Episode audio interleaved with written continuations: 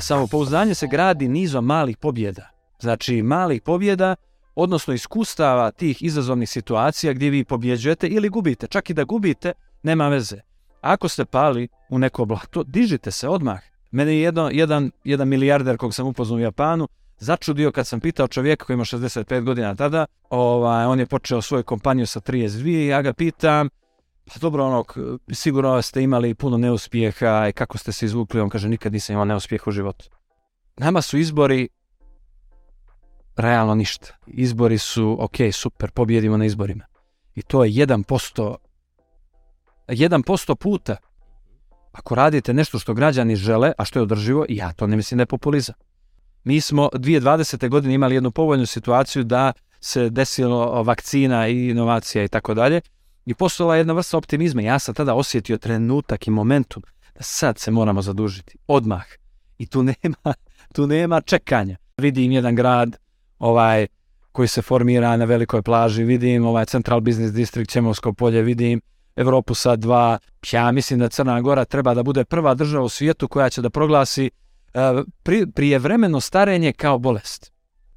Poštovani gledalci, dobar dan i dobrodošli u uključenje za početak druge sezone Diskriminacija podcasta. Hvala vam puno što ste čekali ovoliko za nastavak našeg sadržaja, nadamo se da vas nećemo razočarati. Naš prvi gost je gospodin Milojko Spajić i sa njim smo razgovarali o budućnosti političke scene u Crnoj Gori, o ekonomskim reformama i kako se one donose kao i opasnostima i nekim možda negativnim posljedicama Europe sad u, prvoj, u prvom krugu i Europe sad koju gospodin Milojko Spajić najavljuje. Dohvatili smo se i raznih tema poput eh, kriptovaluta, budućnosti toga u Crnoj Gori, ali i generalno liderstva i kulture liderstva u našoj državi. Dakle, ne bih vas zadržavao dalje, već poželio uživanje u epizodi i nadam se da ćete u ovome razgovoru uživati onoliko koliko smo i mi uživali dok smo snimali u epizodu.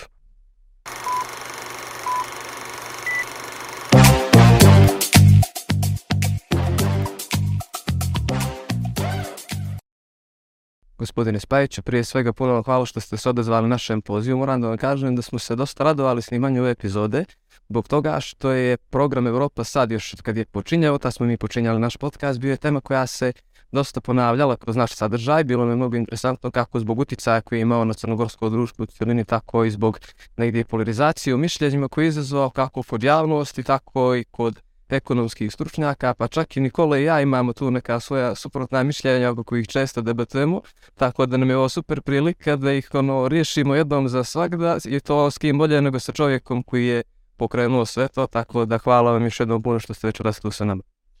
Hvala vam na pozivu i veliko mi je zadovoljstvo da sam tu sa vama.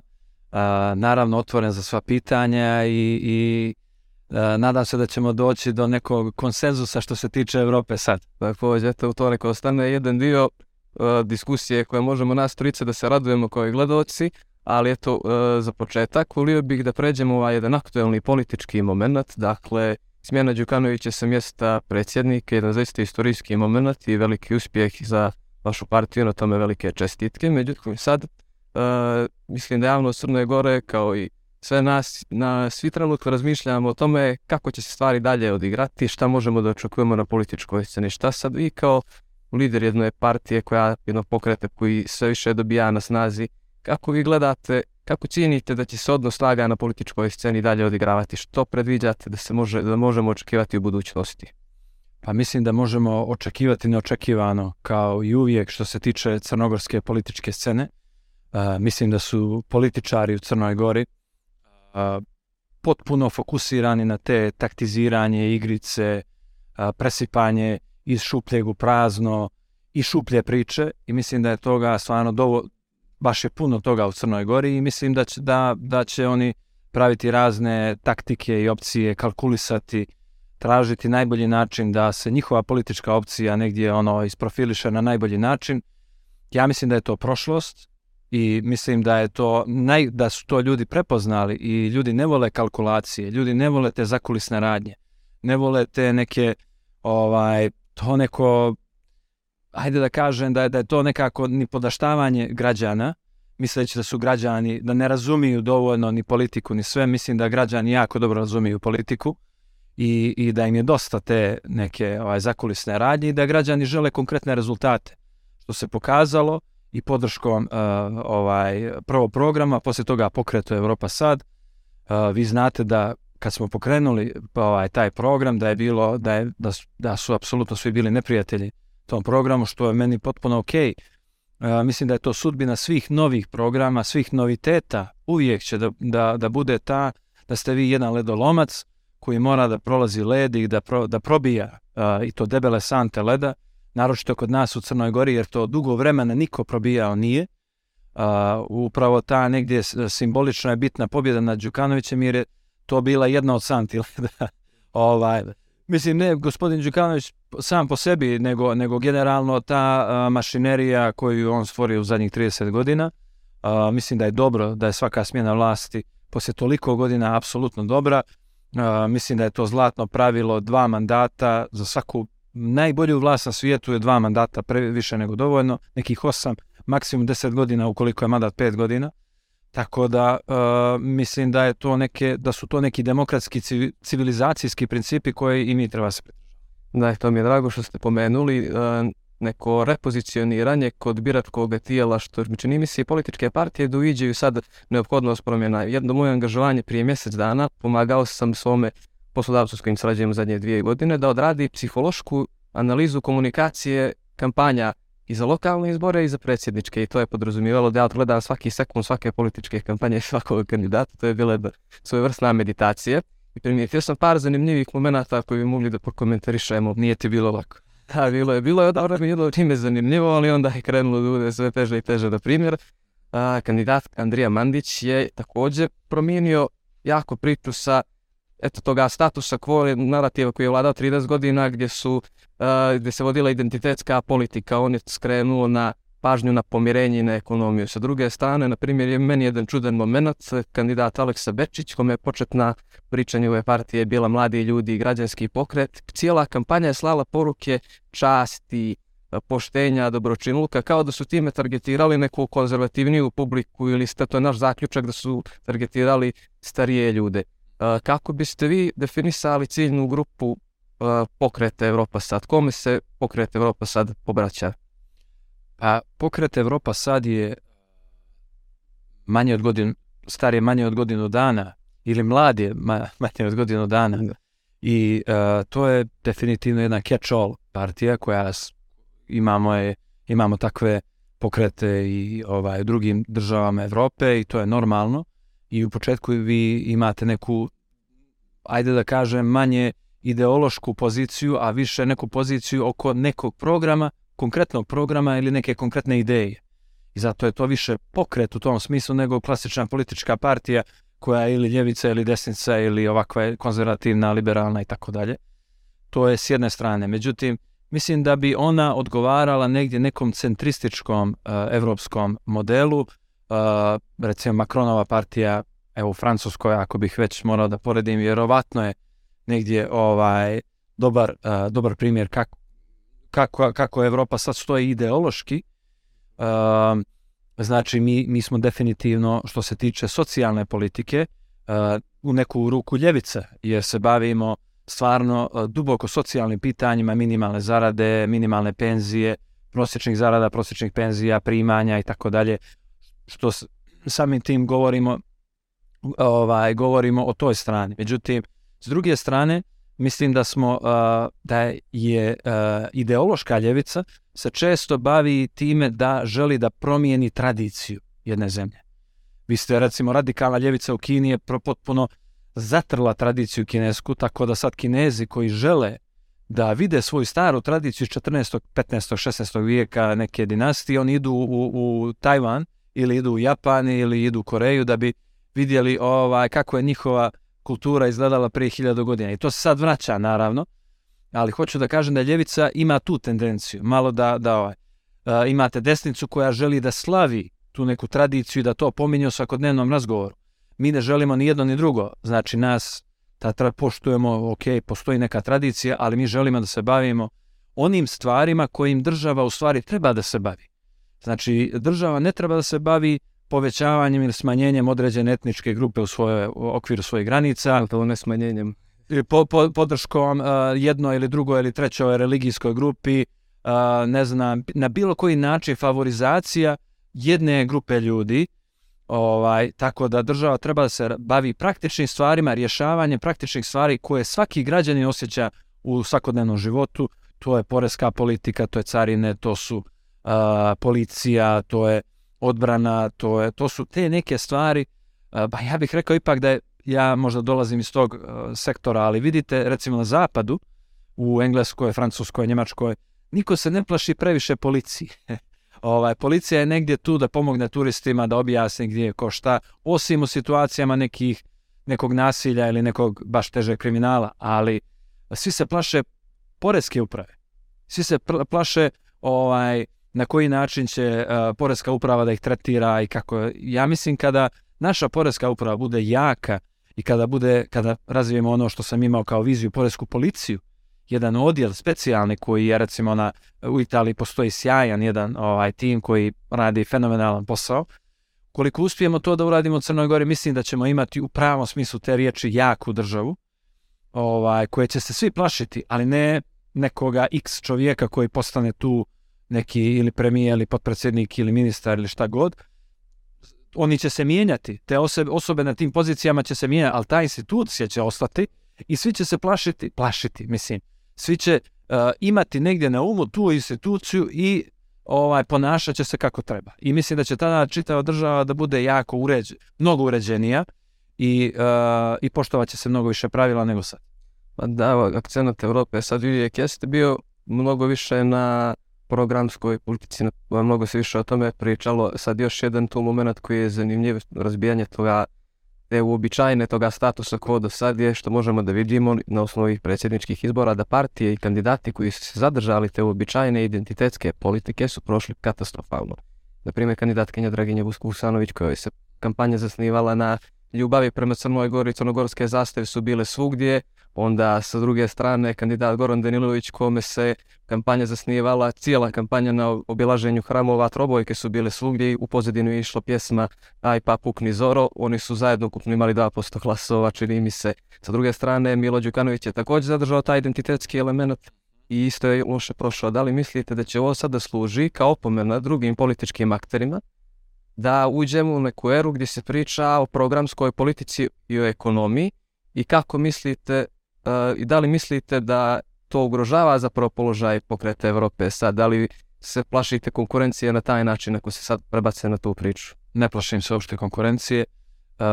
prva stvar. Druga stvar je, spomenuli ste, meni je, mislim da je to davno izjavio, Rambo Amadeus izjavio negdje ovaj, da postoje ti razredi ovaj, sa koliko novca plate se bavite kojom temom. To je, mislim, to je malo ono, simplificirana verzija istine. I istina je stvarno takva da što bude veći standard našeg stanovništva, to će se ljudi baviti više tim temama i, i ovaj, mislim da se to već dešava. Mi to vidimo. I ti političari, oni su samo, oni su samo slika i prilika to što se dešava u, u našem stanovništvu, odnosno što naši građani osjećaju. I oni, oni reflektuju to, oni rade istraživanja i vide da ne prolaze te teme više i onda i oni pokušavaju da mijenjaju retoriku. Ja to pozdravljam i to je u stvari nama bio i cilj.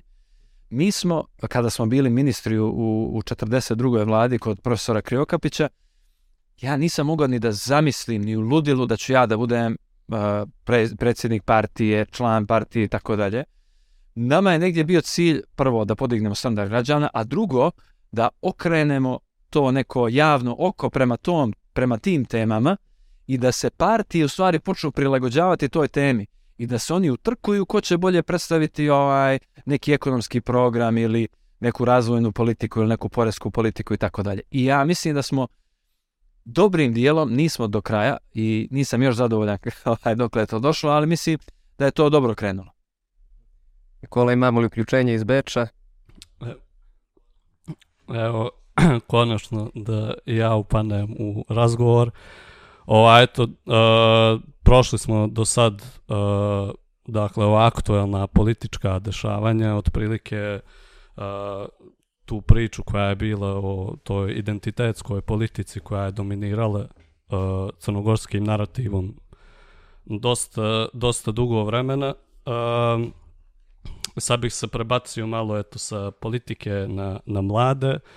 A, u decembru 2021. godine mi smo radili jedno istraživanje na temu položaja mladih u Crnoj Gori i tad ste vi, gospodine Spajiću, ovaj, retweetovali, možda se ne sjećate, ali retweetovali Da, ste je jedan Danilov prva, blog prva interakcija a, digitalna. koji je upravo komentarisao da, ovaj, a, koji, koji je upravo komentarisao rezultate tog istraživanja i pisao o tome kako mladima u Crnoj Gori nisu bitne te identitetske teme i to nacionalističko pitanje, već da je ono što je njima najbitnije da su prilike za zapošljavanje i napredovanje u karijeri. Evo sad ću malo vremena da vam oduzmem jer se nisam uključivao, pa ovaj, eto napisali ste čujemo glas mladih, odlično razumijemo njihove potrebe koje duboko rezonuju u našim ciljevima, sa našim ciljevima. Borit ćemo se do kraja za bolji položaj mladih ljudi, njihov opstanak i prosperitet u Crnoj Gori, mladi za mlade, hashtag Evropa sad, hashtag 30 new 20 i eto dakle u našoj zemlji postoje te jake tendencije kao odlivu mozgova, ovaj nezaposlenost među mladime e, na visokom nivou prema našem istraživanju je bili preko 50%. A, čini mi se da ponuda e, na tržištu rada nije dovoljna. A, proizvodnje je jeli, na veoma niskom nivou. Taj realni sektor za sad a, ne, mo, ne daje rezultate koji bi Crnu Goru učinili nekom konkurentnom ekonomijom, pa eto sad s obzirom jel, na sve te nabrojane faktore nekako i svo to stanje, mene zanima kako vi kao lider jedne političke partije to gledate na, na položaj mladih u Crnoj Gori. A, možda je bolje da ne bude kao lider neke političke partije, nego da kažem iskreno što mislim. Tako da je, ovaj, sjećam se odlično tog uh, retweeta. Ovaj, često mi PR za, zamjeraju zbog, zbog nekad ovaj, e, nekad takvih tweetova, ali ja, ja mislim da je to bila jedna iskrena pozitivna poruka. E, Prvo što mislim poruka mladim, e, prvo je ok, e, mladi su e, definitivno vidimo i tu veliku nezaposlenost kod mladih i tako dalje, ali mislim da je da prvo treba krenuti, ono, promjena se dešava prvo od sebe, pa onda ide prema drugim. Znači, šta mladi po meni treba da, da ovaj, negdje, uh, negdje o, pre, pre, prezupče u glavi, je da to što su mladi, što, što imaju toliko i toliko godina, da to jednostavno ne znači da su oni manje vrijedni, da manje znaju, da manje treba da daju svoje mišljenje, da manje rade i tako dalje i tako dalje. Znači, oni čak suprotno treba da, da iskazuju svoje mišljenje i da ovaj i da, da rade uh, maksimalno koliko god mogu. A, negdje sam, negdje često naši roditelji u Crnoj Gori, to su i moji roditelji, svi roditelji su takvi, oni kažu nemoj puno da radiš. E ja mislim baš suprotno. U 20. treba, naročito u 20. treba da se radi ono do, do granica mogućnosti. Jer, uh, jer ako nemaš neku urođenu anomaliju, ti ne možeš da umreš od tog rada u 20. godinama. I to treba iskoristiti. Jer jednom kad digneš tako prag, to ti poslije daje nevjerovatnu bazu podataka, koji, jer ti kroz toliki rad pokriješ ogromnu površinu iskustava. I šta se dešava? Ti si pokrio ogromnu bazu, imaš ogromnu bazu a, tačkica podataka, ti ih negdje imaš pohranjenu u glavi i te, tebi to počne da koristi u 30. godinama, kada i dalje imaš jak intenzitet, ali uh, možeš da koristiš mnogo više iskustava nego što neko drugi ko nije toliko radio ovaj može sa 35 ili sa 30, ne znam koliko već godina, ako što ja, na primjer, radim. 30 the new 20. Da, da, to, to sam i mislio. I sad uh, vraćam se na tu poentu, mislim da mladi treba stvarno da se prvo puno da rade koliko god mogu, da iskoriste svaku priliku za rad, svaku priliku za unapređivanje. Ja sam radio i neke poslove koje možda nisu toliko atraktivni, kao bio sam konobar u, u, ovaj, u Japanu kad sam studirao, pa sam poslije toga radio kao uh, djeci sam predavao engleski, ono, part time, nema šta nismo radili i radili smo i neke kao part-time konsultanti, kao uh, sređivanje prezentacija, učeći stvarno sve neke te i, i socijalne i prezentacijske i dru- druge ovaj druge vještine i mislim da je dobro latiti se bilo kakvog posla i negdje biti produktivan. To je mislim da je jako bitno. I uh, i pokušati, ono što sam rekao, treba imati, out, treba imati balans inputa i outputa, a, treba uvijek imati svoje mišljenje i imati samopouzdanje. E sad, samopouzdanje se ne gradi samo od sebe. Znači, ne može vam neko reći, e, budite samopouzdani vi ćete biti samopouzdani. Ne. Samopouzdanje se gradi nizom malih pobjeda. Znači, malih pobjeda, odnosno iskustava tih izazovnih situacija gdje vi pobjeđujete ili gubite. Čak i da gubite, nema veze. Ako ste pali u neko blato, dižite se odmah. Ne čekajte, ne valjajte se u blatu, nego odmah skačete, idete dalje. I tu jednostavno kroz jednu takvu, ovaj, kroz jedan takav uh, pristup životu, vi ne možete da izgubite. Mene je jedno, jedan, jedan milijarder kog sam upoznao u Japanu začudio kad sam pitao čovjeka koji ima 65 godina tada, ovaj, on je počeo svoju kompaniju sa 32 i ja ga pitam, pa dobro, ono, sigurno ste imali puno neuspjeha i kako ste se izvukli, on kaže, nikad nisam imao neuspjeh u životu. Pa kako niste imali neuspjeh? Pa kaže, to su bile stepenice. Ti ideš gore, gore, gore, pa moraš da zastaneš, da bi, da bi, se, da bi se odgurno da ideš dalje. I to je otprilike, to je ono što su neuspjesi kod na, ovaj, tako treba gledati na neuspjehe, znači odmah se dići i nastaviti dalje. A te male pobjede vam daju neku vrstu samopouzdanja da možete u sljedećoj situaciji da se dobro postavite i da znate da možete da pobjedite u bilo kakvim okolnostima. I to je nešto što, što treba raditi, zato kažem, izlaganje sebe što većem radu, što višim izazovima, daje vam šansu za što više pobjeda u životu. Naši roditelji, kao što sam rekao, negdje čuvaju našu djecu, pokušaju da im srede posao kod prijatelja, pa to su sve loše stvari. Znači, mladi treba sami o sebi da se brinu i sami da prolaze izazove i sami da i pogriješe i padnu i, i poslije toga treba tražiti neki savjet, sam treba reflektovati na svoje greške i tako uvijek radi. I ako tako bude čovjek radio, on će biti čitavog života mlad, ne samo u 20.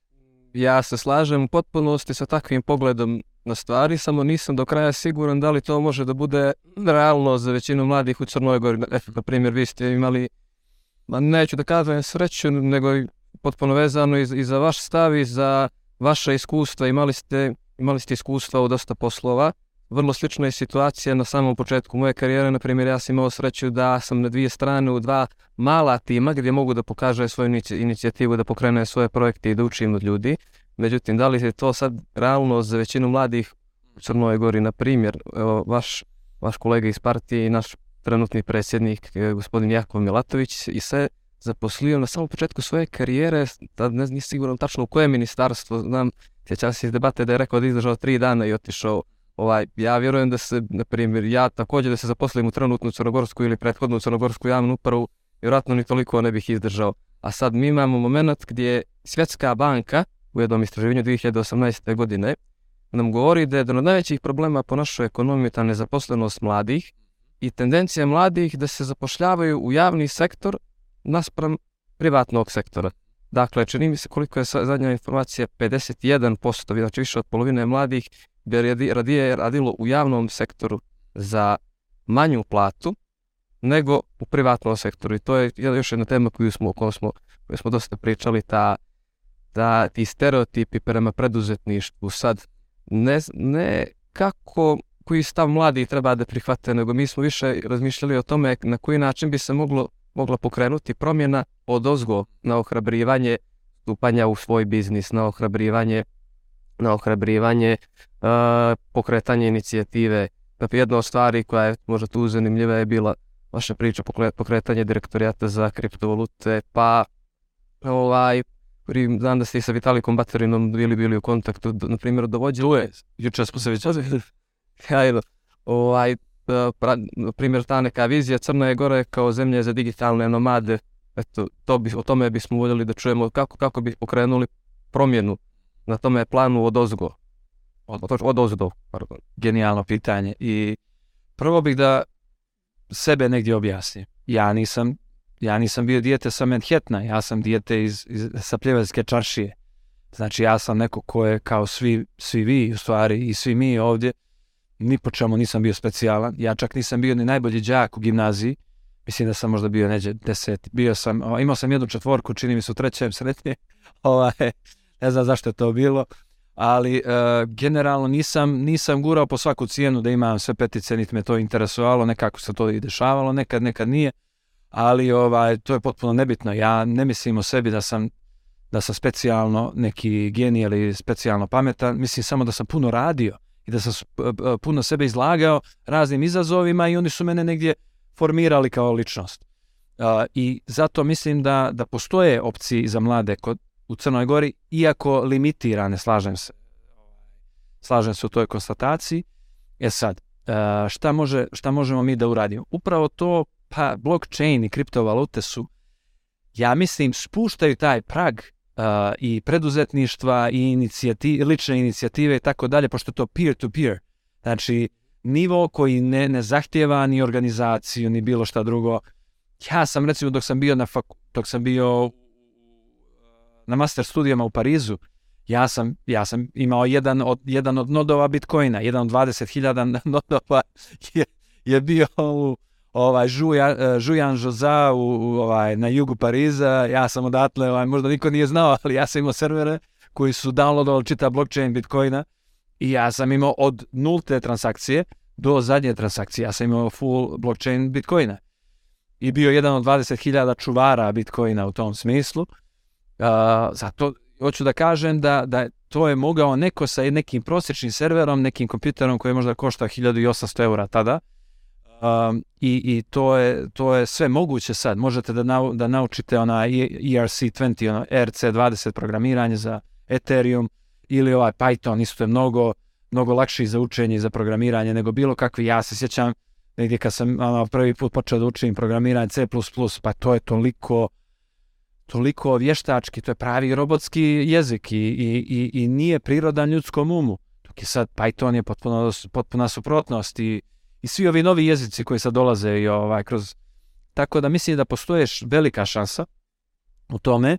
Um, po meni programiranje uh, ne trebaju ljudi da kažu a to nije za mene, ja sam društveni nauk, ja sam ovakav. Ne treba sebe klasifikovati unaprijed. Nikad. Uh, I mislim da je to greška zato što propuštate velike šanse da napredujete i da naučite mnoge stvari. Ja mislim da je programiranje, da svak može da nauči osnove programiranja i da treba svak da nauči. E sad, hoće li me to poslušati ljudi ili neće, oni se prepadnu kad vide ono, ono prvu stranicu koda i onih nekih brojeva i toga. Bio sam tamo da. Ljudski je da se nekako čovjek malo štrecne i kaže ovo ja to ne mogu. Ali vjerujte mi, evo ja, ja nisam neki specijalni talent za programiranje, ja sam naučio te osnove, ja sam na kraju pravio botove za, za kupovinu i prodaju ovaj na, na berzama. Neke osnovne, naravno, nisam, nisam ja bio neki maher u tome, ali, ali može to da se uradi, to nije, to nije nemoguće. I to, to, je, to su mjeseci u pitanju. E sad sam, ja, ću, ja imam stvarno jednu ideju koju, mislim, to nije ništa novo, to izmišljanje, nije, to je, ovaj, to je, to, to je nešto što je Singapur sproveo 2014-15. godine, kada, kada su oni dobili veliku nezaposlenost zbog pada cijene nafte, tada je njima ekonomija bila potpuno okrenuta nafti i tako dalje. Njima je nezaposlenost 25% tada. E sad, oni pozivaju pomoć jednu ovaj ekipu iz General Assembly, se zove kompanija, koja je specijaliz... Oni su bili prva kompanija koja je uh, iz San Francisco koja je predstavila program bootcampova. E šta su ti bootcampovi? To su vam i njihovi učitelji na tim bootcampovima su bili ljudi iz Facebooka, Googlea, Applea i najjačih ono, svjetskih tehnoloških kompanija, ljudi koji su radili u tim kompanijama i koji su tražili negdje nove ljude da se priključe i koji su htjeli na ta tri mjeseca nekako tog bootcampa, te obuke, da oblikuju ljude da bi oni mogli da se da rade kod njih. I to je začetna ideja. I oni su uh, doveli te učitelje u Singapur, platili, znači singapurska vlada je platila za svoje državljane, za strance nije, ali za svoje jeste. E, to je neki desetak, 15.000 eura troška po osobi za ta tri mjeseca, vrlo visoko kvalitetnog ovaj, učenja i samo jedne vještine. E, to nije sad učenje od početka teorija C++, pa kako su ono kompjuteri 83. godine, pa, pa ne to. Samo sjednete, upalite kompjuter, oni vam upale onaj programski jezik, kaže aha, da biste uh, od skrejpovali yahoo.com i neke tamo podatke koji sa, sa desne strane stoje i da biste te, te skrejpovane podatke prebacili u CSV file, odnosno Excel file, treba taj program, program da ispišete. I to ih uče tri mjeseca. Samo jednu vještinu. Ali šta je ključ? Sa tom jednom vještinom ti ljudi su zaposlivi na entry level, na početničkom nivou, negdje u nekim tehnološkim, nekim operativnim kompanijama koje hoće da da streamlineuju, da, da smanje pro procese i da, da unaprijede procese, da i ubrzaju procese i oni zapošljavaju takve ljude. Ti ljudi počnu da počinju da rade tu, zaposlivi su i dobijaju neku relativno dobru, dobru platu, za naše uslove bi bilo vjerojatno oko 1000 eura neku platu, sa jednom vještinom, jer oni pomažu kompanijama da smanje radnu snagu. Jer recimo to što oni rade, ovo što sam upravo rekao, to je vjerojatno desetak ljudi moralo ručno da radi. Svaki dan po, po desetak sati. Ovaj to radi za nekih pet minuta. I samim tim zarađuje svoju zaradu za, od tih 1000 eura. Iako je to samo jedna jednostavna vještina. I, ali šta je interesantno tu? Tu ljudi, taj prag veliki programiranja i plašenja ljudi tehnologijom pada potpuno. Jeste vi osjećate se korisnim i osjeć, prvi put osjećate da vi to možete.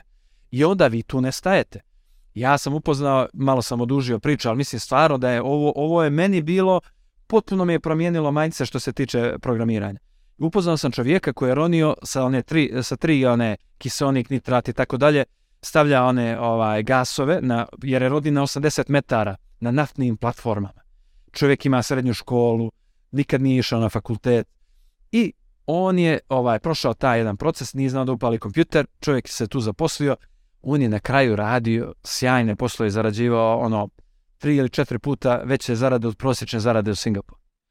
I to je, to je neki put koji, a on je postao sjajan programer za osam godina, naravno. Nije to preko noći, ali hoću da kažem da to, to je to po meni stvarno nevjerovatna šansa i takav način ja bih lično uradio, to bi nas koštalo nekih maksimum 100 miliona eura, kroz vrijeme, ne bi to odmah bilo, to bi možda godišnje bilo 20-30, a to bi najbolja investicija bila ikad u crnogorsku omladinu. Mislim da bi to bilo revolucija potpuna šta bi se desilo sa, sa našim mladima i sumnjam da bi mladi napuštali Crnogoru u takvom situaciji. Da, da, odgovor je skroz, apsolutno se slažem sa tim. Da li je ovaj, da li priča sa Vitalikom Baterenom ide u tome pravcu, da li će se možda na tome fokusirati dalje potezi još uvijek nije došlo do toga stadijuma? Ja, ja često se sasrijećemo, pošto je tu, ima neka dva mjeseca su, imaju ovaj, na Luštici, zakupili su čitava na Luštica B i tu su iz blockchain svijeta, iz svijeta sintetičke biologije. Znači to su dva svijeta koje ni sad pokušavaju da spoje sa, sa serijama, serijama predavanja i tu dolaze najbolji ljudi u tim.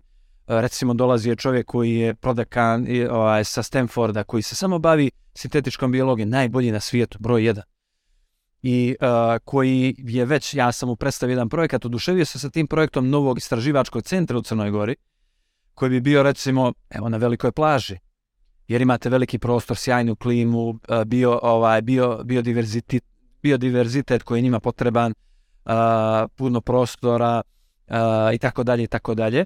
Sjajna, sjajna pozicija ovaj, i geografski sve ostalo. Uh, ima dovoljno prostora i uh, napravili bi jedan mini grad koji bi recimo uh, tri mjeseca imao tu turističku sezonu i tu bi bilo, ono, po danu je, kad noćite dolje bi bilo 200-300 eura sigurno, i tu biste vi za tri mjeseca zaradili novac koji je dovoljan da održava finansijski čitav jedan taj grad i taj sistem istraživački, a devet mjeseci, šta je kontraciklično mediteranskom načinu, ovaj, uh, mediteranskom načinu turizma je kontraciklično istraživanje škola i napravili biste jedan univerzitet tu, koji je devet ostalih mjeseci, znači od septembra do maja, koji bi po nevjerojatno niskim cijenama mogli da noće tu i da koriste sve facilities i sve ostalo.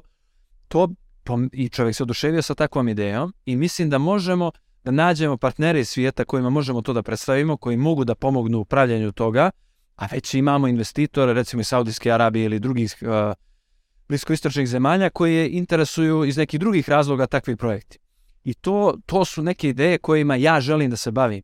Ja uživam u tome i kad pričam recimo sa, sa Vitalikom, pričamo o Montenegro Business Districtu, o jednom projektu koji je bio na Čemovskom polju, gdje biste imali ono kao neke mini skyscrapere do 22 sprata, recimo do 80 metara je dozvoljena gradnja, gdje bismo imali jedan finansijski centar, ovaj, gdje, bi, gdje bi recimo možda bila Ethereum fondacija bi se prebacila tu i mnoge druge, znate li što znači kad se fondacija bi se prebacila u Crnu Goru?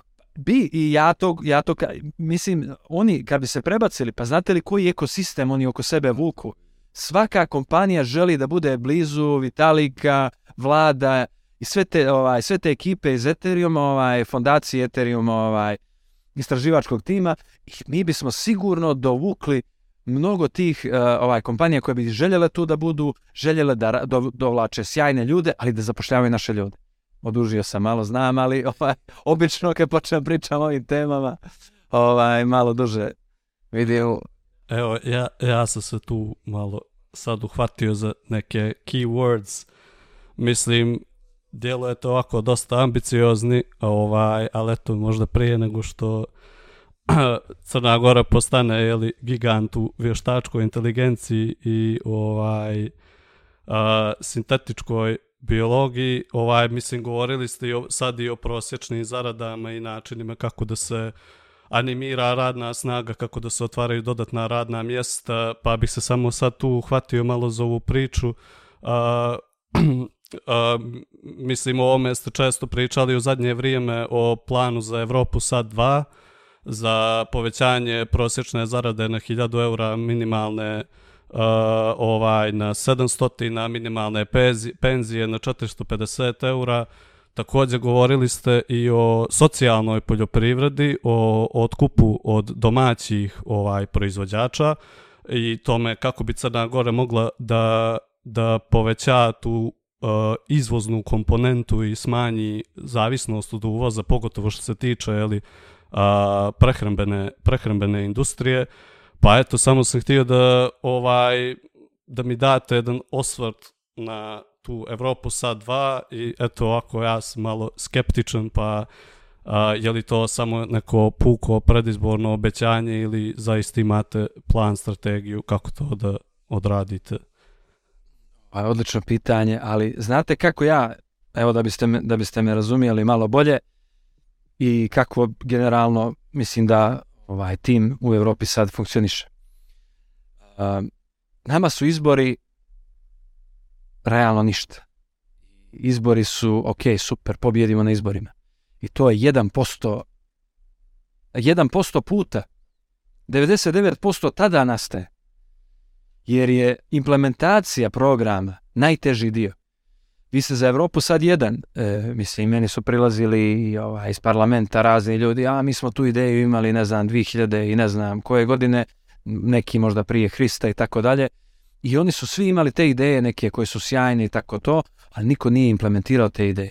I nije ih do kraja izgurao i nije istrajao na tome i nije dok ne dobije rezultat.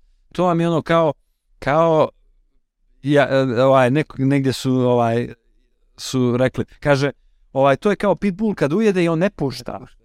I to je tako. Vi morate tako da se ponašate kad, ako hoćete stvarno da izgurate neke ambiciozne velike projekte. Vi ne možete da puštate te, to. Vi ne možete da vas pokolebaju ljudi sa svojim nevjerovanjem u te projekte, sa svojim problemima. Zašto ne? Pa meni su dolazili tada ljudi, zašto ne može? Zašto ne može ovo, zašto ne može ono? A ne možemo mi, ne znam, minimalna zarada, pa ne možemo ovo, pa ne možemo ovako, pa to ne može ovo, pa... Znači, ljudi su konstantno vas zasipaju, to je tsunami sa ne može. I vi morate da istrajete u tome da može. Jednostavno, u početku malo ćete ludo izgledati ljudima i, i, vi, i vi morate preuzeti taj rizik da ste ok sa tim. Meni je ok da mi niko ne vjeruje da će Evropa sad dva zaživjeti, ok mi je da mi niko ne vjeruje da će Montenegro Business District da ćemo pokrenuti, ok mi je i za veliku plažu da mi niko ne vjeruje, meni je to ok. Ja, sam, ja imam mir sam sa sobom, jer ću ja da dam sve od sebe, šta god je u mojoj moći da to uradim, a ja znam već iz iskustava upravo onih malih pobjeda koje smo pominjali, da imam neku vrstu samopouzdanja da to možemo da sprovedemo, upravo zbog toga što sam radio to u prošlosti i nastavit ću naravno da radim. E sad, upravo, upravo ste, implementacija je teška. Socijalna poljoprivreda, moja je jedna od omiljenih tema, ona nema realno neku preveliku ekonomsku težinu i to će da bude 0,6% recimo BDP-a. Ali ona ima veliku socijalnu i kulturološku komponentu. Vi kad dovedete strance iz drugih država, kad dođu kao turisti, oni kad jedu našu hranu, niko ne kaže vao. Jer je naša hrana, prvo nema organske hrane, a, paradajz, evo, paradajz, počnite od toga, znači nema ukus nikakav, imamo sjajnu klimu, sjajno zemljište, možemo da imamo sjajnu tehnologiju da ra- razvijemo to i da to ne bude sad mas proizvodnja, nego da bude baš organska doma, ovaj, domaća pro, ovaj, proizvodnja u nekim porodičnim okolnostima. To kod nas ne radi previše, nažalost, i domaća jaja i domaće meso i tako dalje i tako dalje. Zašto ne radi? Zato što su lanci trgovački, oni se ponašaju naravno ovaj konkurentno i oni žele te mla, male, njima ti mali ni ne odgovaraju previše, jer im dižu cijenu ovaj proizvoda koji dolaze kod njih da se plasiraju, a njima treba mnogo niža cijena da bi plasirali po višoj i napravili veći profit naravno. Šta tu država treba da uradi po meni? Da to proglasi socijalnom, socijalnim preduzećima, sva mala poljoprivredna gazdinstva i na taj način omogući za obilaženje evropskih pravila da ne možete da garantujete otkup, prvo, znači da garantujete svakom poljoprivredniku da šta god da proizvode vi ćete otkupiti kao država, 100%, i drugo, da ćete vi ovaj i da otkupiti po određenoj cijeni. E sad, da ne bi bilo tu zloupotreba, pa da mali poljoprivrednici skupuju od velikih, pa onda plasiraju to kao svoj proizvod, Naravno, tu mora da bude dokaz o porijeklu, prva stvar, a druga stvar i ta cijena ne može da bude previsoka. Ali da bude neka cijena ko koja će se formirati tako da ti ljudi bud, da naprave održivi biznis od svog malog gazdinstva.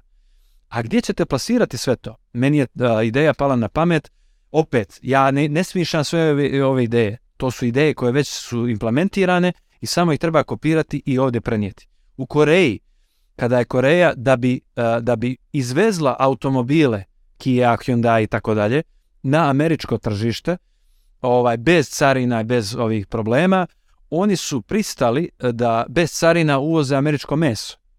I na taj meso ovaj, i druge poljoprivredne proizvode. Na taj način oni su patosirali svoju poljoprivredu, koja je bila stvarno robustna, ali je bila previše bazirana kao i naša poljoprivreda na malim gazdinstvima, i na kvalitetu, na fokusu na koreanski, kad vi jedete koreansko meso, to je potpuno druga priča. Ovaj, tačno se osjeća razlika. E sad, oni su uspjeli da naprave recimo svoju neku državnu malu kompaniju za, za koreanski fast food.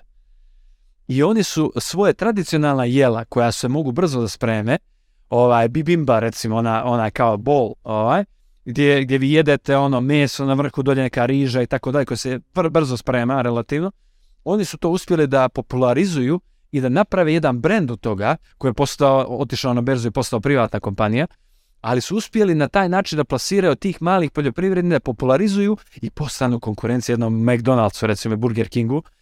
I sad Koreanci, pa rijetko će ko kad traži neku fast, neki fast food otići u, ovaj, u McDonald's, nego će otići upravo kod svojih. Sad se to kopiralo, imate 20 takvih kompanija. I mislim da je to negdje put i u Crnoj Gori da se uradi, Druga, drugi kanal ovaj, će biti recimo bolnicama, školama, da ljudi jedu kvalitetno, recimo na fakultetima u menzama. Zašto bi jeli neku uvezenu lošu hranu kad možemo da jedemo stvarno dobru hranu, našu hranu i na taj način i pomognemo poljoprivrednicima, a i ovaj i imamo benefite za, za džaki i za mlade. Ja sam siguran o pitanje koje ću da vam postavim da ste ga dobili u prethodnim gostovanjima mnogo puta, ali moram da ga postavim na, po, Evropa sad jedan, povećanje plata minimalnih zarada na 450 eura je nešto što mogu apsolutno da shvatim i da recimo Nikola ja se oko toga sporimo, e, čega sam realno i zagovornik, što mi što je iza čega stojim. Ovaj, uh, međutim, principe neke iza toga, iako nisam ekonomista po struci, to da je najdrastičnije povećanje plata bilo bilo, sa, bilo za te minimale, da će upravo taj dio populacije ko, kojem je bio najveći, najveće povećanje plata, da će sve to i da potroši i da vrati u ekonomiju i da će da imaju malo bolji standard života, to je sve nešto što mogu da shvatim. Međutim, kada se priča o Evropi sad dva, moram da kažem i da je moja reakcija kako? Zato što mi djeluje praviše ekstremno u smislu ono što ja nisam čuo na primjer do sada vašim gostovanjima je neki vremenski period, na primjer ukoliko je, ukoliko je obećanje Evropa sad će da dođe uh, pola godine ili godinu kad mi budemo u prilici, kad mi budemo na vlasti, kad budemo u prilici da implementiramo, to bi mi izazvalo skeptičnost. Ukoliko je ukoliko je vremenski period, ok, to će da bude za 3, 4, 5 godina kad sve naše ambicije ostvarimo, kad dovedemo Ethereum fondaciju recimo u Crnom Goru ili kad sprovedemo, kad napravimo brend od kolašinskog sira ili od crnogorskih rakija koji će da pobidi da, da McDonald's i velike, velike kompanije, to, to mogu da, da shvatim, pa sam htio za to da vas pitam da li je, koji je vremenski period, koja je strategija, da li postoji tu nešto kad tražite referencu za vremenski period, tražite ga u, u, u istorijskom ponašanju. Znači, imamo jedan prese, presedan, odnosno jedan primjer iz prošlosti koji se desio. Imali smo 2020. godine kada smo mi preuzeli odgovornost ovaj, decembra 2020. Uh, I imali smo jednu rupu u budžetu, imali smo ekonomiju koja je padala ono, mislim, kao nož, uh, imali smo problem, veliki fiskalni deficit oko 10,2% i tako dalje i tako dalje. I za 12 mjeseci smo imali u parlamentu ovaj, Evropu sad jedan. Znači to je period od 12 mjeseci. I upravo ja taj period koristim i kada plasiram priču oko Evrope sa 2, kažem 12 mjeseci po stupanju na odgovornost nas. Međutim, naravno, zavisi od težine situacije koju zateknemo mi smo 2020. godine imali jednu povoljnu situaciju da se desilo vakcina i inovacija i tako dalje. I postojala jedna vrsta optimizma. Ja sam tada osjetio trenutak i momentum da sad se moramo zadužiti. Odmah. I tu nema, tu nema čekanja. I mi smo morali, u decembru smo radili dan, noć, da bismo nekako uspjeli da se u decembru, jer uh, poslije 5. decembra je jako teško se zadužiti i mi smo uhvatili zadnji voz. 9. decembra izlazimo na tržišta bukvalno dan poslije nas, mi smo u četvrtak izašli, dan poslije nas izlazi Ukrajina, koja tada nije bilo govora ni o čemu problemu ratu. I Ukrajina je imala, a, mi smo imali prinos od 2,95%, odnosno kamatnu stopu 2,87, a Ukrajina je imala 5,5%, a oni su imali isti kreditni rating kao i mi, samo jedan dan poslije nas. I tada nije bilo govora o ratu ili bilo čemu, nego oni su imali su ovaj imali su jednu ekonomiju koja je bila čak i ja, neđe ovaj, izbalansiranija nego naša. Jer nije zavisila samo od turizma, nego imali smo IT industriju, imali smo poljoprivredu jaku i tako dalje. Njima je čak skočila cijena poljoprivrednih proizvoda, pa su njima izvoz tada bio dosta dobar. I ovaj, tako da, iz, iz te perspektive uhvatili smo jedan taj korak 12 mjeseci, ali opet se ovaj, ograđujem da će postojati jedan period fiskalne konsolidacije, upravo smo imali danas jedan pres, megalomanski pres od nekih sati, 20 minuta gdje smo pokušali da objasnimo zašto je, kak, da, da je vrlo teška situacija sad i interno i eksterno, znači da je sad vrlo teško se zadužiti ovaj i da ste najbolji na svijetu, tako da, a ne ovakvi kakvi smo, ovaj sa jednom dosta lošom, lošom fiskalnom situacijom, deminutivno da se izrazim, I ovaj, uh, mislim da zbog toga treba prvo to se sredi, ali opet kažem, mislim da se to može, nadam se, evo ja sam optimista, neđe po prirodi, mislim da to možemo relativno brzo da završimo i evo ajde do kraja 24. godine bi trebalo da, da bude sve kako da, da, da imamo program Evropa sad dva u punom kapacitetu. Program Evropa sad jedan, rekao sam moje mišljenje iskreno da pozitivne posljedice imaju veću težinu od, od potencijalnih negativnih koje se, do kojih možda još uvijek nije došlo, ali koje mogu biti, na primjer, mnogo ljudi se brine za situaciju u zdravstvu. I sad nije možda prošlo ni dovoljno vremena da se iskristališu te negativne posljedice koje bi, koje kažem, smatram da su slabije od pozitivnih i koje možda se mogu riješiti. Međutim, sad mislite li da, da je možda previše brzo nakon ovako ekstremne promjene pokretati još ekstremnije povećanje plata? Pa našim političarima sve ekstremno. Oni, oni kad vide, zato što su navikli na ravnicu, kad vide brdo od 30 metara, oni misle da je Mont Blanc. Tako da ovaj, uopšte ne mislim da je ekstremna mjera, mislim da je vrlo jednostavna i blaga, čak blaga mjera. Ovaj, e, mjera koja je bila pravovremena. Vi znate, prije pritiska inflacije mi smo izašli sa tim programom da zaštitimo standard građana i mislim da smo uspjeli u tome. Uh, uh, vraćam se na, na, na, ovaj, na Evropu, na, na zdravstvo. Uh, rekli ste, uh, zdravstvo, finansiranje zdravstva nema nikakvog linka sa Evropom sad jedan. Uh, zdravstvo i sve živo što se finan... znači svak, svi prihodi u državi se slivaju u jednu kasu. Samo jednu kasu. Znači nema posebne kase fonda za zdravstvo. fond za zdravstvo je samo jedna potrošačka jedinica. Ispod GRT, generalnog računa trezora. Znači, ona je samo dobija novac iz jedne, iz jednog izvora. I svi, se, svi prihodi se slivaju u taj jedan račun i taj jedan račun distribuira ne na način koliko je po prihodima. Recimo, da li ste vi naplatili više ovaj doprinosa za zdravstvo ili manje doprinosa. Nebitno je koliko ste naplatili tih doprinosa. Vama će budžet za zdravstvo biti onoliko koliko je fond za zdravstvo rekao da mu je potrebno. Odnosno u dogovoru sa ministra, ministarstvom financija i sa vladom generalno. Znači, naš zatečeni budžet je bio oko 300 miliona eura za 2020. godinu. Mi smo ga digli na 350 miliona za 2022. godinu. Znači, to je rast skoro 20% fonda, uh, fo, ovaj, novca koji se odvaja za zdravstvo. Znači, to i, i, a s druge strane, prihodi su povećani za 38 ili 40%. Iako se smanjili doprinosi za zdravstvo, ali su se povećali PDV doprinosi, doprinosi za penziono i mnogi drugi akcize su se žestoko povećale, naplata mnogih drugih i carina i svega drugog se povećala i ona je nadomjestila jedan dio tog malog pada, ali nebitno je, jer sve, sve se sliva na isto mjesto. I na tom mjestu mi smo imali preko 2 milijarde prihoda. Kako smo mi došli do tije 2 milijarde prihoda? Apsolutno je nebitno. I to će se odatle će se distribuirati tim potrošačkim jedinicama na način nezavisno koliko je došlo iz PDV-a, iz carina, iz ovoga i onoga, nego koliko je potrebno našem zdravstvu. I mi smo povećavali taj iznos. Da vas podsjetim, prije 7-8 godina taj budžet za zdravstvo je bio 150 miliona eura. A sad je, sad je 400 miliona već. I upravo zbog toga nema nikakve zabrinutosti što se tiče para, ima li par, ima i više nego što treba. Problem je u stvari efikasnost. U Fondu za zdravstvo postoji velika količina neefikasnosti, ne, lošeg upravljanja nad novcem,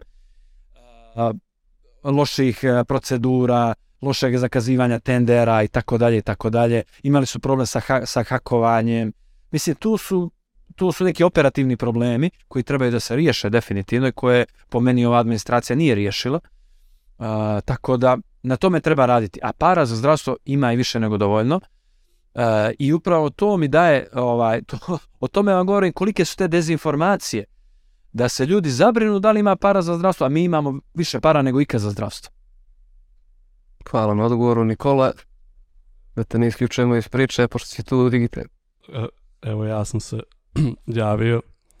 Da, eto opet, dakle, pričali smo o, o, o Evropi sad, pa eto, ja bih se malo možda vratio na vaše političko djelovanje, pa eto, samo me zanima kratko možda da li u trenutku ili eto, o, kad, u periodu kad ste osmišljavali program Evropa sad, da li ste imali ideju ovaj, o političkom pokretu? Ne. Ovaj, tada smo imali ideju da pomognemo građanima da, da spriječimo efekte inflacije i tri, da politički diskurs koji je tada bio žestoko nacionalistički i, i ne samo nacionalistički, nego okrenut podjelama i negativnom kampanjom, ružnim napadima i tako dalje, da se okrene nekoj pozitivnoj priči.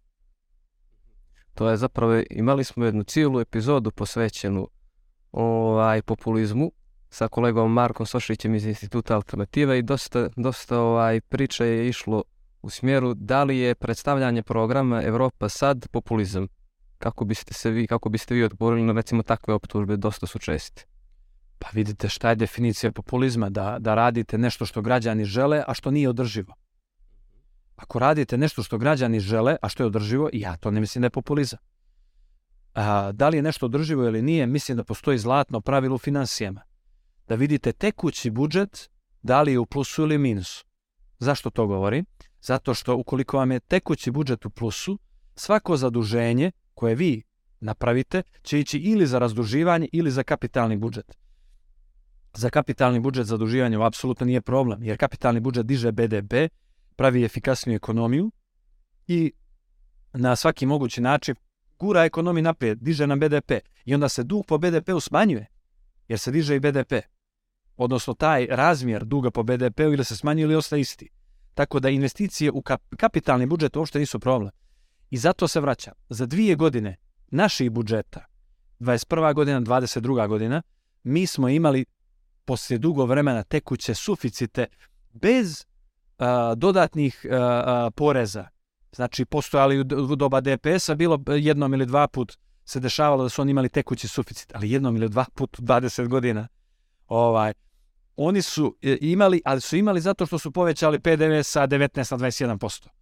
Ili što su povećali nešto drugo, neki drugu akcizu ili tako dalje. Mi smo bez ikakvih povećavanja nameta za građane došli do tekućih suficita i to je čak završena 22. godina koja je i uključuje zadnja tri mjeseca rebalansa koja je katastrofa, inače koji je dodao mnogo više potrošnje. I uprkos tome mi smo imali tekući suficit na kraju 22. Odnosno, to vam govori koliko je održiv naš program, koliko je jak naš program.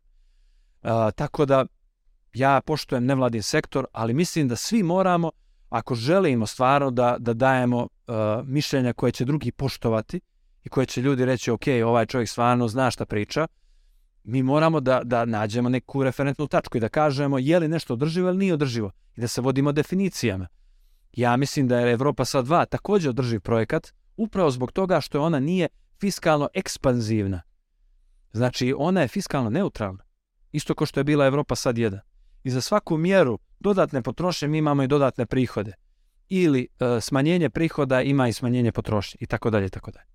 Nikola, vidio sam da si podigao ruku. Da, mislim, ovaj, eto, Izvinjavamo se inače na ovoj dinamici, ovo isprobavamo tek u ovoj drugoj sezoni kako je Nikola otišao, inače bi, ja mislim ima interakcije išlo mnogo prirodnije da smo i jedan i drugi fizički prisutni tu. definitivno, malo mi je kad gledam ovaj bili zid ispred sebe, sve, ovaj, osjećam se isključeno, ne, ovaj, eto, hvala na tim odgovorima.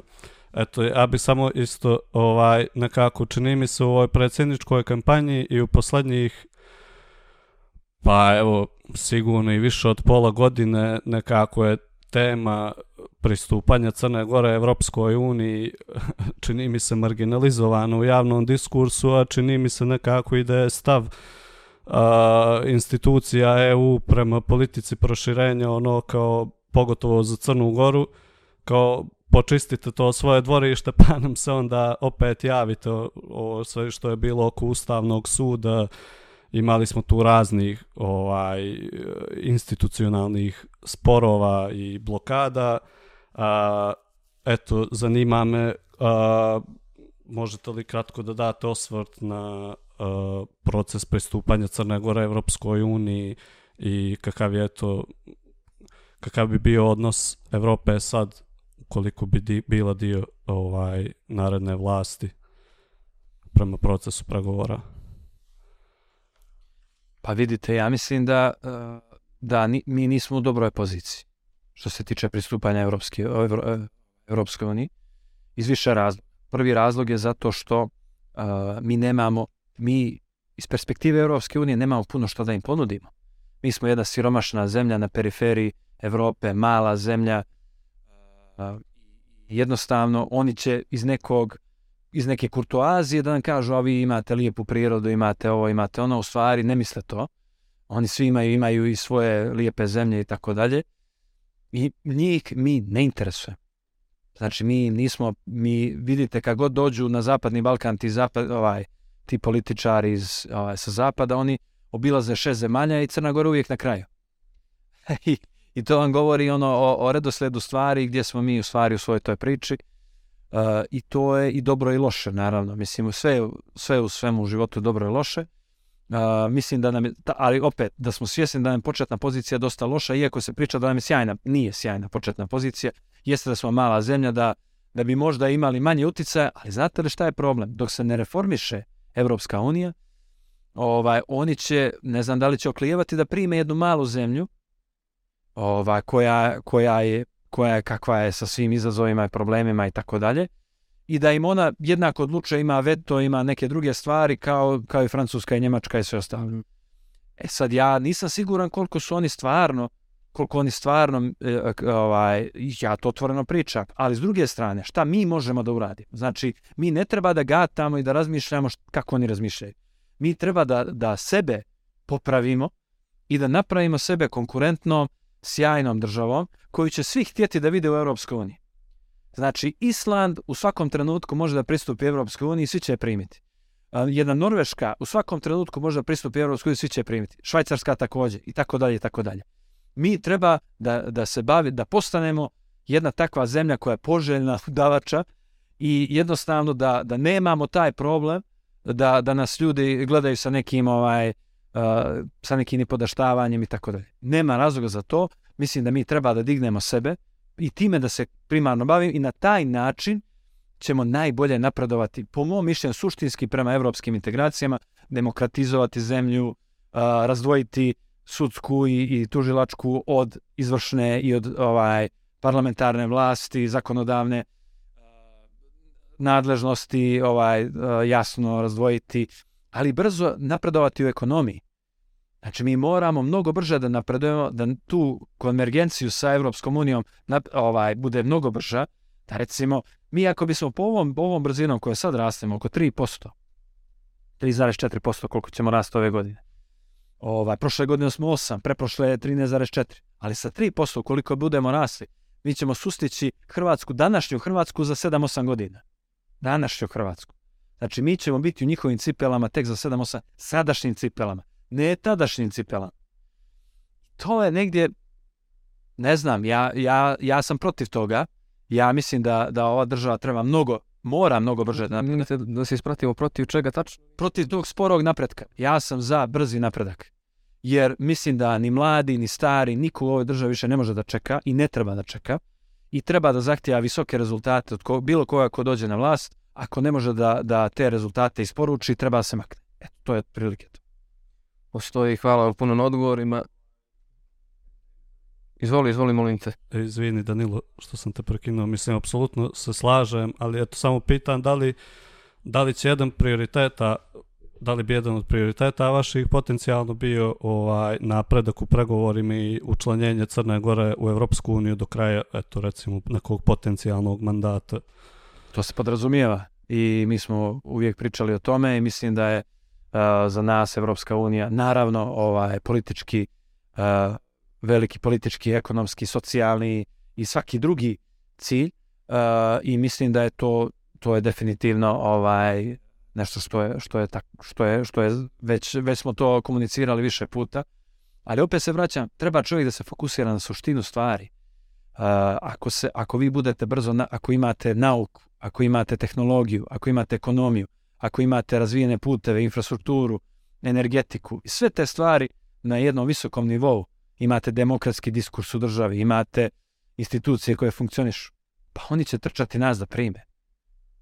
Oni će, oni će tražiti da mi dođemo kod njih, a ne suprotno, da mi moljakamo i da se mi ponižavamo i ne znam šta već. Tako da uvijek treba čovjek da radi na sebi, prvo na sebi da radi, da sebe ojačava i na taj način poboljšava uvijek svoju pregovaračku poziciju ovaj u, u zadatim okolnostima.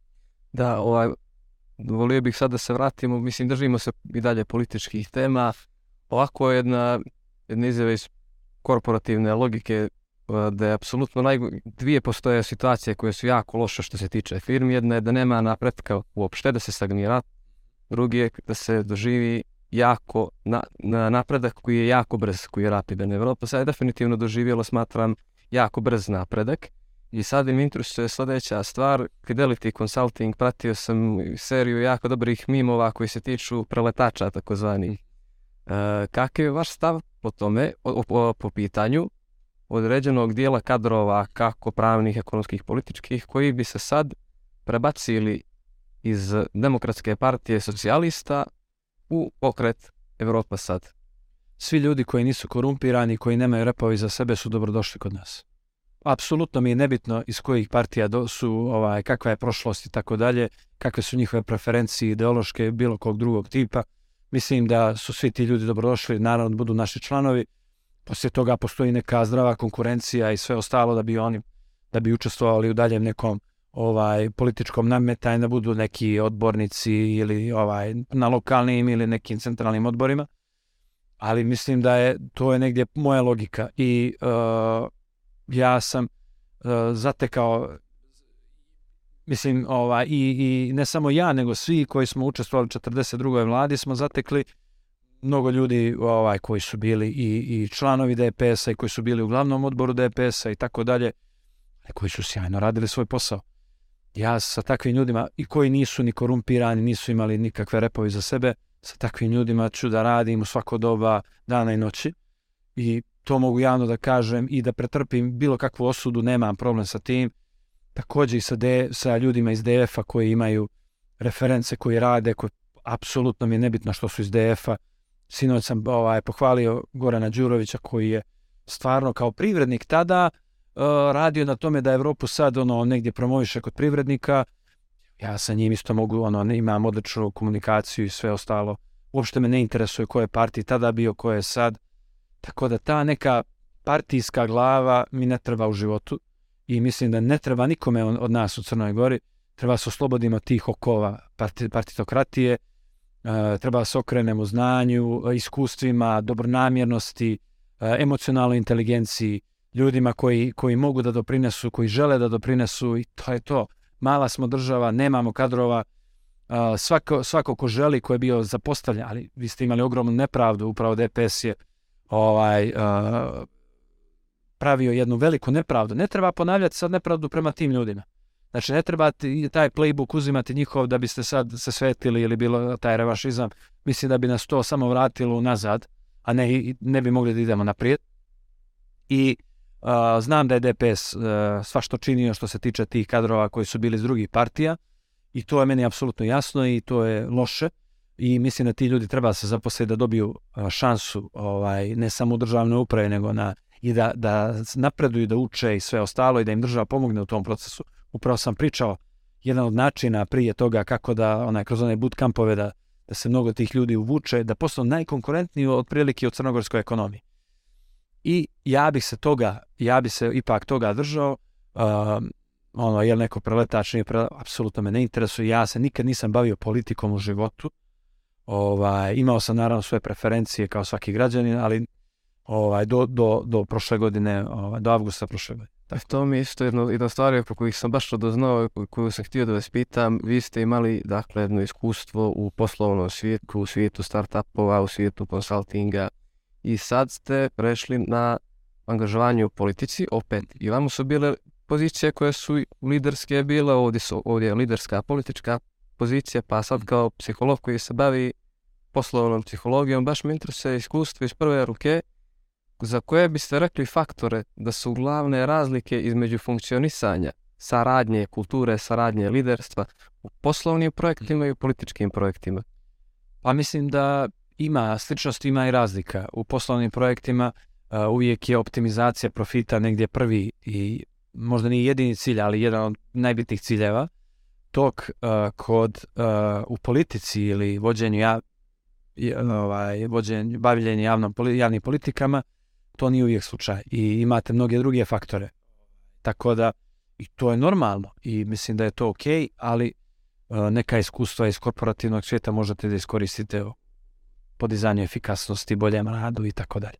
Da, u, u suštini ono do čega pokušavam da dođem, recimo u, nek, u nekom mom skromnom iskustvu poslovnog konsultingu, management konsultingu, kroz različite sektore nekako mogu da poslažem od prvog do zadnjeg mjesta u kojim sektorima sujeta, hijerarhija, socijalni status najviše ometaju procese. Pa me baš zanima iz vašeg iskustva, iz prve ruke, da li u saradnju i funkcionisanju, da li u poslovnim projektima ili u političkim projektima taj faktor čovjek kao lider treba da više vodi računa o hijerarhiji, o socijalnom položaju, o nečijoj sujeti, o tome kako će neko da odreaguje na neke stvari. U kojem ta dva sektora je to izraženije? U kom više ometa? Vidite, upoznate ljude kao što su Jack Ma, Masayoshi Son, najbogatiji japanac, Jack Ma je vjerojatno najbogatiji kinez, pa se upoznate sa uh, ti de, uh, Vitalikom i svim ostalim dekamilijarderima i ovaj vidite da je i kod njih uh, uh, i uporedite naše političare i ne možete da vjerujete recimo da je sujeta jedno hiljadu puta jača kod naših političara koji su bukvalno krokodili u maloj barici. Naš BDP je 5 milijardi eura, sve što se proizvode i potroši u Crnoj Gori za godinu dana je 5 milijardi. I ti političari koji se negdje ono misle da, da vladaju univerzumom, a u stvari su ovaj u stvari su negdje neka mala politička partija u nekoj periferiji svih periferija svijeta. Ja tebe, sebe, sebe tako posmatram da sam ja neka mala politička partijica u nekoj periferiji i da na svjetskom nivou apsolutno ništa ne značimo. To čovjeka postavi stvari na taj način, mnogo je produktivniji i ne misli previše o sebi i to, je dovo, i to te ne opterećuje. I to ti daje neku slobodu i snagu i slobodu izbora da u svakom trenutku možeš da odlučiš kako ti misliš da je najbitnije i najbolje i da, da se ne forsi, da, da te u lošem pravcu i mislim da je sujeta naj, najveće. Mislim da je bila jedna izreka kaže ili hoćeš da si uh, ili hoćeš da se obogatiš ili hoćeš da budeš da mi da imaš percepciju da si u pravu. To su mi rekli Goldman Sachs. Kaže ovaj uh, da li želiš da li želiš da budeš uspješan, nisu rekli obogatiš, nego, ali dobro, finansijski uspiješ, da budeš uspješan u Goldman Sachsu ili želiš da, da misliš da si u pravu, da imaš percepciju da si u pravu. Jer kaže, to su dva potpuno odvojena procesa i otići, ćeš na potpuno dvije različite strane. Ukoliko misliš da si u pravu i ubiđen da si u pravu, ti ćeš imati velike probleme u životu prije ili kasnije. Dok, a, a, ako želiš da si uspješan, ti ćeš se preispitivati, ali to preispitivanje neće ići u neku u neku ovaj u, u neku psihopat preispituješ svaku najmanju odluku, nego jednostavno preispitivanje u smislu principa i postavljanja makro stvari. I mislim da je to neka zdrava uh, ovaj sredina u kojoj svako treba da operira. Slažem se u potpunosti, čini mi se da crnogorske organizacije često biraju ovaj prvi put. Nažalost. Nikola, se li podigao ruku ili... Da, jesam. Ovaj, tu uključio bih se samo uh, s jednim pitanjem. Eto, neću da, iako su u medijima dosta puta u poslednje vrijeme pitali uh, gospodina Spajića da li će da se kandiduje za premijera na predstojećim parlamentarnim izborima. Ne moramo o tome. A, ali eto, ovi jedni izbori su i za nas, a, predsjednički, na kojima ste za malo vi bili kandidat. A, jeste jasno ovaj nekako i sve te dinamike procesa koja se dešavala da je odluka državne izborne komisije da vašu kandidaturu odbaci nekako bila politički motivisana ali opet s druge strane i vi ste imali ovaj uh, u javnom diskursu uh, ste govorili da nemate dvojno državljanstvo i imali ste ga. Da li mislite da je to naškodilo vašoj popularnosti? Eto, već smo pričali sad, nekako čini mi se da se uvezuje ova tema uh, s ovim što smo pričali nekako sad. Pa ne znam da li je naškodilo popularnosti, ja nisam ovdje da bi bio popularan. Nego da pokušam da dam sve od sebe da pomognem našim građanima koliko mogu u svojim mogućnostima. Što se tiče pozicija i tako dalje, ja mislim da je na kraju krajeva mislim da se sve završilo dobro, iako su DPS i DF bili ti koji su ovaj koji su definitivno otvoreno radili na, na diskvalifikaciji naše kandidature i ovaj mislim da im se to obilo o glavu i drago mi je zbog toga. Jednostavno radujem se svim njihovim neuspjesima se radujem jer mislim da su to ovaj partije prošlosti, ali nadam se da će se i promijeniti. Mislim uh, ovaj kad kažem njihovim mislim tim ne mislim sad na ljudskom nivou, čak ja vjerojatno sa njima mogu i da razgovaram normalno i sve to, ali ali ovaj ali na nekom nivou izražavanja, na nivou uh, fokusa u kampanji i tako dalje, koliko bi se oni promijenili, oni bi apsolutno za mene bili prihvatljivi, jer ja stvarno nemam tu vrstu sujete da sarađujem ovaj ja, i to ne govorim za, za ovaj eh, za, za ove korumpirane kadrove i tako dalje, nego govorim o nekim kadrovima ili iz, evo vidite Uru, na primjer, koji su svi, oni su nas rušili, 42. vladu i svi su u fazonu, e pa Dritan vas slušio, srušio, kako ćete sa njim, šta ćete sa njim, to nije, nije jednostavno pitanje, jer vas pitaju investitori u obveznice koji kažu, e, ako, ako ćete vi post koaliciju ići sa Urom, oni su vas rušili jednom, možda vas ruše i drugi put, a ja ću da investiram u, ovaj, u obveznicu pet godina. Kako ja da vjerujem da se to neće drugi put desiti? I sa kim saradnju počinjem? Iskreno, nije to jednostavno pitanje. Tako da, ali hoću da kažem sljedeće. Mislim da se ponovo vraćamo ova, i nema ništa, ono, vidim sa DF-om je bila ta neka žestoka retorika ono, ovaj, u kampanji. Ja nemam ništa protiv tih ljudi, ovaj, želim im svako dobro na privatnom planu, ponovo ponavljam, ali volio bih da se oni transformišu u jednu, jednu zdravu, normalnu uh, političku partiju i onda to bi definitivno pomoglo Crnoj Gori. I vidim i neke pomake u tom pravcu i pozdravljam i to je to. Ovaj, što se tiče diskvalifikacije svega, definitivno imala moje krivice, ja sam ovaj, naravno tu uh, izvinio se i tako dalje. Uh, znam da to je nekako i uh, čudno ljudima jer jednostavno, da li se, a prvi put se neko izvinja, i tako, potpuno mi je to sve jedno i ja sam uvijek kad mislim da sam u krivu i ovaj, kad mislim da sam nešto napravio što nije trebalo, nemam problem nikakav da se izvinim. I ne mislim da mi je to slabost, nego i ne mislim da mi je to ovaj, prednost. To je jednostavno neutralno, to je normalno. E sad, s druge strane, mislim da, da je također taj neki pretjerani fokus na te neke velike ideje koje ja definitivno imam. Ja živim te vizije. Ja recimo imao sam tu viziju o Evropi sad jedan ja sam to već vidio u glavi postavljeno, ja sam vidio tačno gdje šta treba se pokrene i šta, sam, šta je preostajalo u stvari samo realizacija toga što već postoji u mojoj glavi. Znači transfer odavde u realnost. I to je negdje, to je negdje izgleda dosta ovako, ovaj, uh, uh, uh, kad to negdje kažem ovako, prijateljima se smiju, ali to je stvarno tako bilo.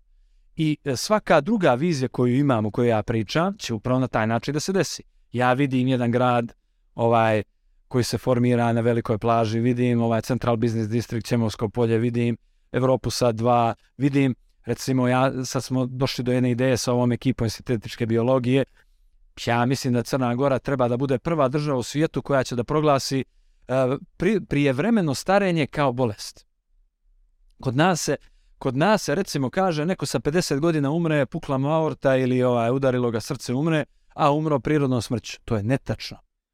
Njemu je ostarilo tijelo mnogo prije nego što je vrijeme bilo i on je imao tijelo starca sa već 45 godina. Jer se je loše hranio, nije dobro spavao, nije dobro hendlovao stres, nije mnoge druge stvari u životu radio. E to je nešto što bih volio da radimo i na način organske ishrane, treninga, redukcije stresa, psihologije, odnosno ovaj, i raznih drugih metoda bi želio da radi država na tome. Da se, da se jednostavno prije vremeno stara, starenje proglasi kao bolest i kao neprijatelj i da se država uključi maksimalno, da se bori protiv toga. I znate li šta to znači za jednu državu? Da vam ljudi duže traju. Da ti ljudi jednostavno produk, budu produktivniji u svom životnom vijeku. Jer vi ih taman ih edukujete, taman ih ovaj, izbacite na tržište rada, oni se izbruse i oni vam nestanu kada treba najviše da doprinose. E to je nešto što je, što je recimo, što je velika žal i oni ne mogu drugim generacijama da prebace svoje znanja. Po našim, po, po, nekim istraživanjima, tamo se pisale od roditelja. Ovaj. tako. Pa to je, to, to je isto ovaj, jedna porazna činjenica. Ovaj, ali dobro, mislim, ono, treba početi od nekra.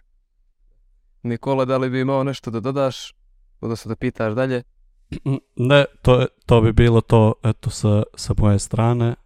Ja sam, izvini, E, ja sam samo htio da kažem, i, i, i baveći se tim velikim temama, to sam zaboravio da završim samo, nekako mi te, te ne, pa ne, nisu to male teme, ali recimo vi ostavite nekome drugom da se bavi tom temom i negdje pretpostavljate da će se to negdje završiti i negdje će se to sve, ovaj, i ne bavite se više sa tom temom, znači niste u toj temi.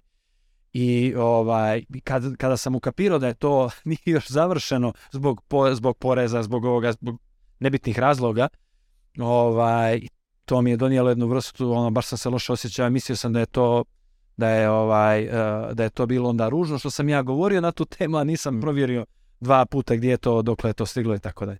Ali opet se vraćam iz pozicije nekoga ko se fokusira na te velike stvari. Jer meni je da li vi imate neko singapursko, američko, tursko, srbijansko, hrvatsko i tako dalje državljanstvo, iskreno ne interesuje me. Mene interesuje, imate li vi crnogorsko, imate, vi ste građani Crne Gore, kraj priče za mene. I ovaj taj zakon je stvarno i restriktivan i tako dalje. I ja sam pretrpio sankcije zbog tog zakona. Pozvan sam u MUP, izjasnio sam se da želim da zadržim ovo državljanstvo, da to drugo državljanstvo koje sam inače dobio u vrijeme kada je moj brat studirao u, u Srbiji, kada sam ja bio u Japanu. Majka me pitala treba li to državljanstvo, ps, ono, u Japan možete sa srbijanskim pasošem da idete bez vize, a sa crnogorskim ne možete. Daj, to državljanstvo. Mhm. Razumijete? I sad to nije neki izgovor, ali ipak je bilo uh, daj, i tada ja nisam, raz, nisam ni znao da ne može to, da, ne, da je to protivzakonito, jer u Srbiji je moglo. U Srbiji ste došli, potpisali ste, dobijate državljanstvo i to je to. I tada je recimo izjava bila, uopšte nije bila izjava tipa da vi, ne znam, država Srb, Srbija i tako dalje, tada je bila izjava potpuno drugog tipa, jer je to davno bilo. Tako da uh, mislim da je to, da se i da 200.000 ljudi u Crnoj Gori ima isti problem. I sad, mi treba, ja nemam problem, evo, ono, osudite me, prošao sam neki špalir srama, bacali su kamenje svih strana, super, evo, okej, okay, nije problem. Ali tu je 200.000 ljudi koji imaju potpuno istu situaciju. I vi ako idete Johnom na tih 200.000 ljudi, vi ne treba da se nadate bilo čemu u politici u Crnoj Gori. I to nije samo Srbija, to je i Hrvatska i Bosna i Hercegovina i Albanija i Kosovo i, i ovaj mnoge druge i, i Mađarska i ovaj i, i Slovenija i Amerika i Njemačka i tako dalje. Izvinjavam se na ome, hvala vam puno na ome odgovoru, meni je sad lično mnogo jasnije šta se tu, šta se tu dešavalo. Uglavnom, ja bih imao jedno ovako pitanje opuštenog tipa za kraj.